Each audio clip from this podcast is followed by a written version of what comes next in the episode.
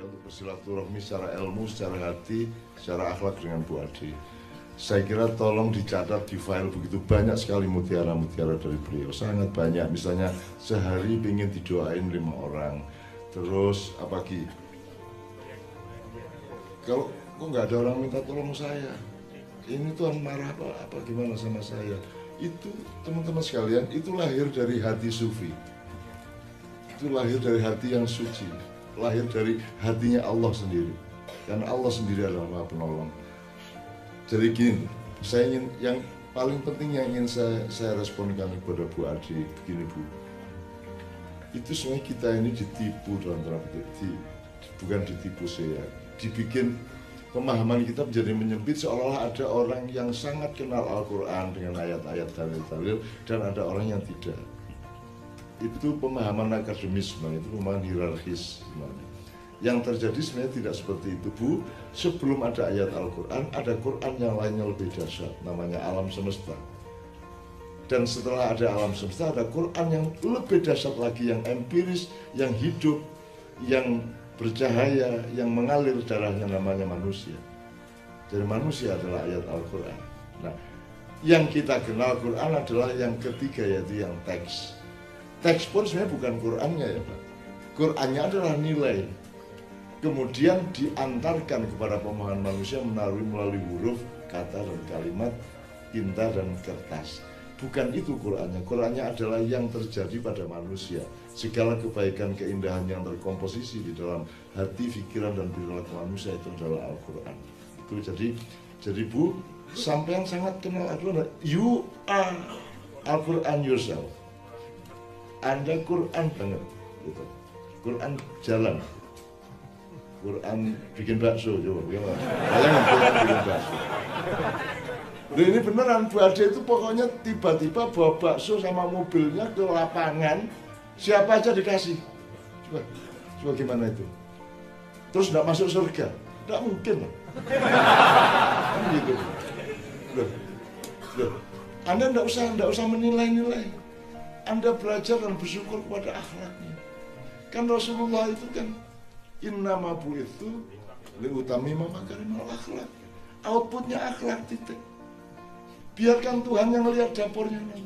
Tapi yang outputnya jelas ngasih bakso di mana, nolong orang di mana-mana. Gak ada orang mau sentuh, Bu Ade mau sentuh.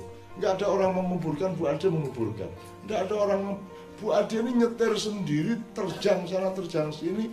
Apa aja yang salah dia omongin, ini apa yang Bu Ade omongkan itulah hatinya. Jadi Bu Ade ini anda tidak perlu melihat jiwanya karena semua yang diungkapkan adalah jiwanya. Sementara di Indonesia Anda tiap hari ditipu oleh omongan-omongan dan ekspresi iklan-iklan baliho-baliho ya.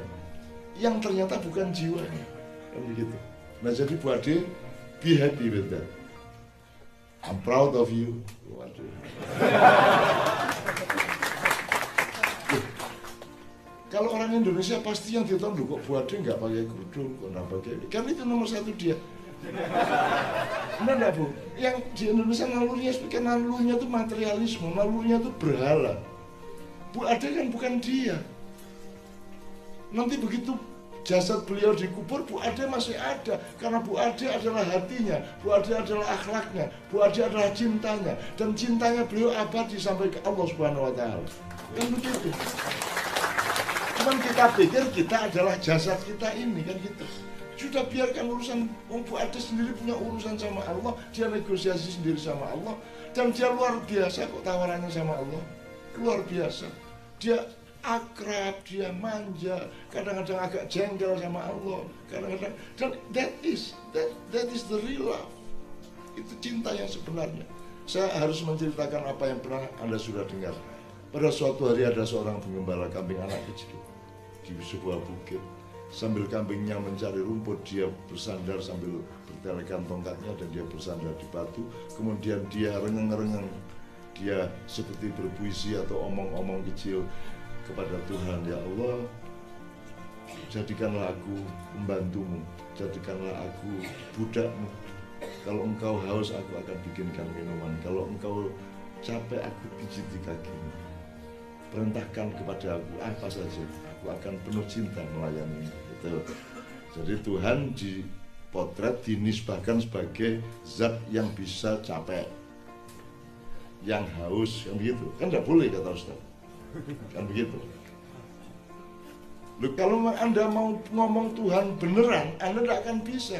Tuhan ngalah sama anda memakai bahasa anda. Bukan kita menisbahkan Tuhan dengan kata-kata manusia anda tidak mungkin kenal Allah tidak mungkin. Maka dibikin dalil.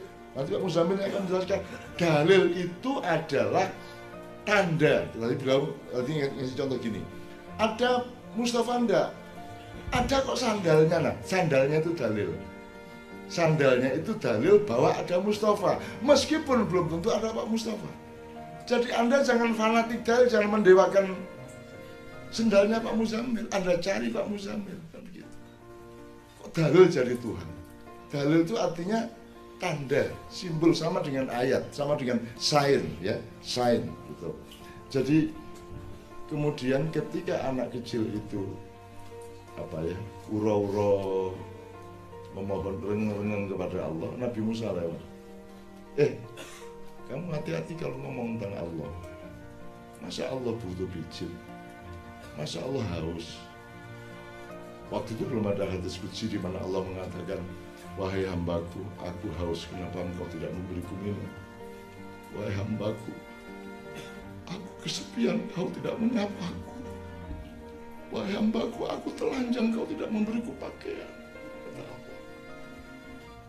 Kemudian hamba-hamba yang jauh dari Allah mengatakan, Hei, mana mungkin ada Allah haus, mana mungkin ada Allah kelaparan, mana mungkin Allah tidak berpakaian. Terus Allah menjawab, tidakkah engkau menggunakan akal dan hatimu? Kalau ada orang haus, di situlah aku berada, kasih dia minum. Kalau ada orang butuh pertolongan, di situlah aku tolonglah. Nah, Nabi Musa mengkritik karena belum ada hadis kudsi itu. Terus sebelum Nabi Musa habis tertutup mulut apa tertutup selesai mulutnya berbicara malaikat Jibril datang Musa biarkan hamba-hamba Allah bercinta dengan kadarnya masing-masing dengan bahasanya masing-masing karena tidak ada satu pun dari makhluk Allah yang benar-benar mengetahui Allah. Bahkan Nabi Musa termasuk ranking pertama yang dekat sama Allah. Itu pun tetap bukan orang yang terdekat dengan Allah. Sampai dia ditanya sama Allah, ya Allah apakah ada orang yang lebih dekat kepadamu melebihi aku? Allah mengatakan, ya ada Musa. Ada. Kamu mau tahu tak kasih tak send send location bagaimana? Sambil nangis tapi tidak lagi nangis ya. Terus Allah ngasih tahu kamu datang ke sini tempatnya di sini gini-gini. Nanti ada orang hambaku yang sangat dekat dengan kemudian Musa mencari orang itu. Dia ternyata orang tua lumpuh matanya tidak hanya buta tapi keluar mendulu bola manja itu mendulu dan dia nggak bisa apa-apa. Terus Musa tidak tega, dia peluk orang itu dan berdoa, ya Allah, sayangilah hambamu, sembuhkanlah hambamu ini. Marah, dibuang buat apa namanya. Badannya Nabi Musa disorong, eh kamu tidak usah mendoa-doakan untuk sembuh. Karena inilah yang ke, keadaanku inilah yang membuat membuat aku tidak pernah tidak dekat dengan Allah. Keadaan fisikku inilah yang membuat aku sangat-sangat dekat dengan Allah. Jadi Anda mau mengalami sakit, mau mengalami kaya, mau mengalami miskin, urusannya adalah membuatmu dekat kepada Allah apa tidak kan begitu. Bukan soal kayanya atau miskinnya. Makanya tadabur kan itu. Tadabur teorinya adalah terserah kamu memahami Al-Quran secara ilmiah, kamu memahami Al-Quran hanya secara emosional, atau dengan cinta, atau kamu pegang-pegang tok musuh Quran. Kamu halu-halu tok saya bilang. Asalkan itu membuatmu lebih dekat kepada Allah. Itu itu masalahnya dalam hidup. Jadi buat deh, we are happy with you.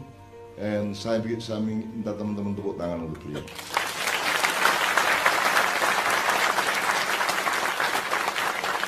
Sangat indah dan itu akan menjadi tayangan yang sangat bagus yang akan menyebar ke seluruh dunia insya Allah Bu Ade dan Bu Ade sedikit pun tidak menyembunyikan sesuatu sedikit pun tidak ngatur-ngatur kata-kata ini. Apa adanya seperti itu. Ya nadanya ya. Ini mohon maaf hanya di Ma'iyah